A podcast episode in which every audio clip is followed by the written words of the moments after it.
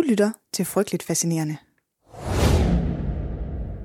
Ude i junglen på den filippinske ø Lubang er der varmt og fugtigt. Og i mange år rigtig farligt. Ikke fordi der er giftige slanger eller rovdyr, der kan komme efter dig, men fordi der er nogen inde i junglen, som lægger fælder ud, skyder mod fremmede, og en gang imellem bevæger sig ud af skoven og ned i de små omkringliggende landsbyer, hvor han slår folk ihjel. I gaderne, i husene og i deres senge om natten. Velkommen til det her afsnit af Frygteligt Fascinerende, hvor vi dykker ned i historien om den japanske junglesoldat Hiro Onoda. Frygteligt Fascinerende er en podcast om alt det frygtelige, som alligevel fascinerer os. Her i Kort Fortalt giver jeg en kort intro til noget frygteligt fascinerende fra nær eller fjern historie.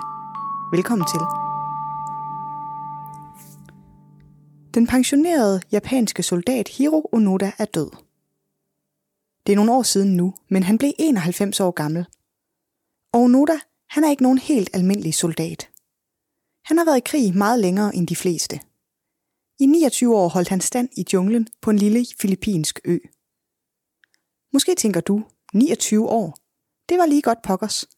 Hvad er det for en krig i Filippinerne, der varer 29 år? Og historie er vist din stærke side, for der er ikke nogen krig, der har varet i 29 år i Filippinerne. Hiro Onoda var soldat for Japan i 2. verdenskrig og han får ligesom aldrig memoen om, at krigen den er slut.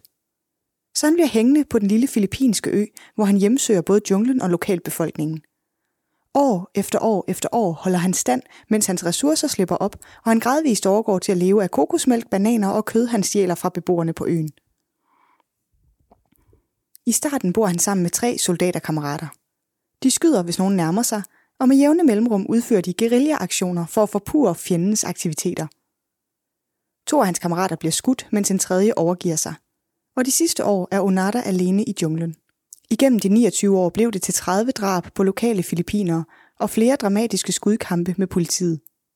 I et interview med ABC siger Onada, at hver japansk soldat var klar til at dø, men som efterretningsofficer var jeg beordret til at udføre guerillakrig og undgå at blive dræbt, og jeg fulgte mine ordre.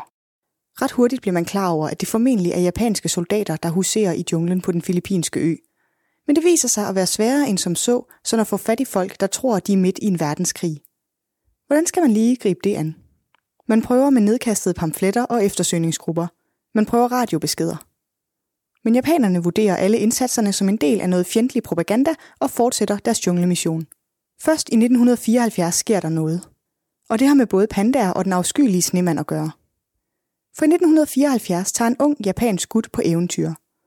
Norio Suzuki han vil ud at rejse, opleve verden og se en panda og løse et par af verdens bedste mysterier, nu han er i gang.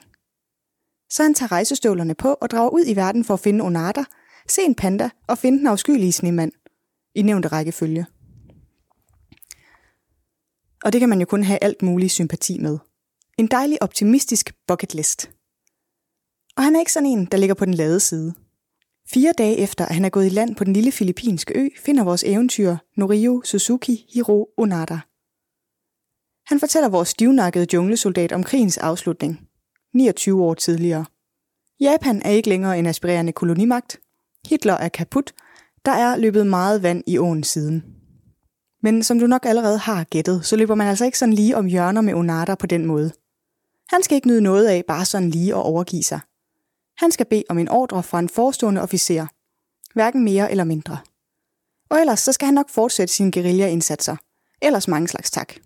Så vores eventyr, Norio, tager et billede sammen med Onada og når et smut tilbage til Japan, hvor han opstøver Onadas tidligere chef, major Taniguchi, som i mellemtiden har slået sig ned som boghandler. Majoren han tænker, så for søren, det kan vi ikke have.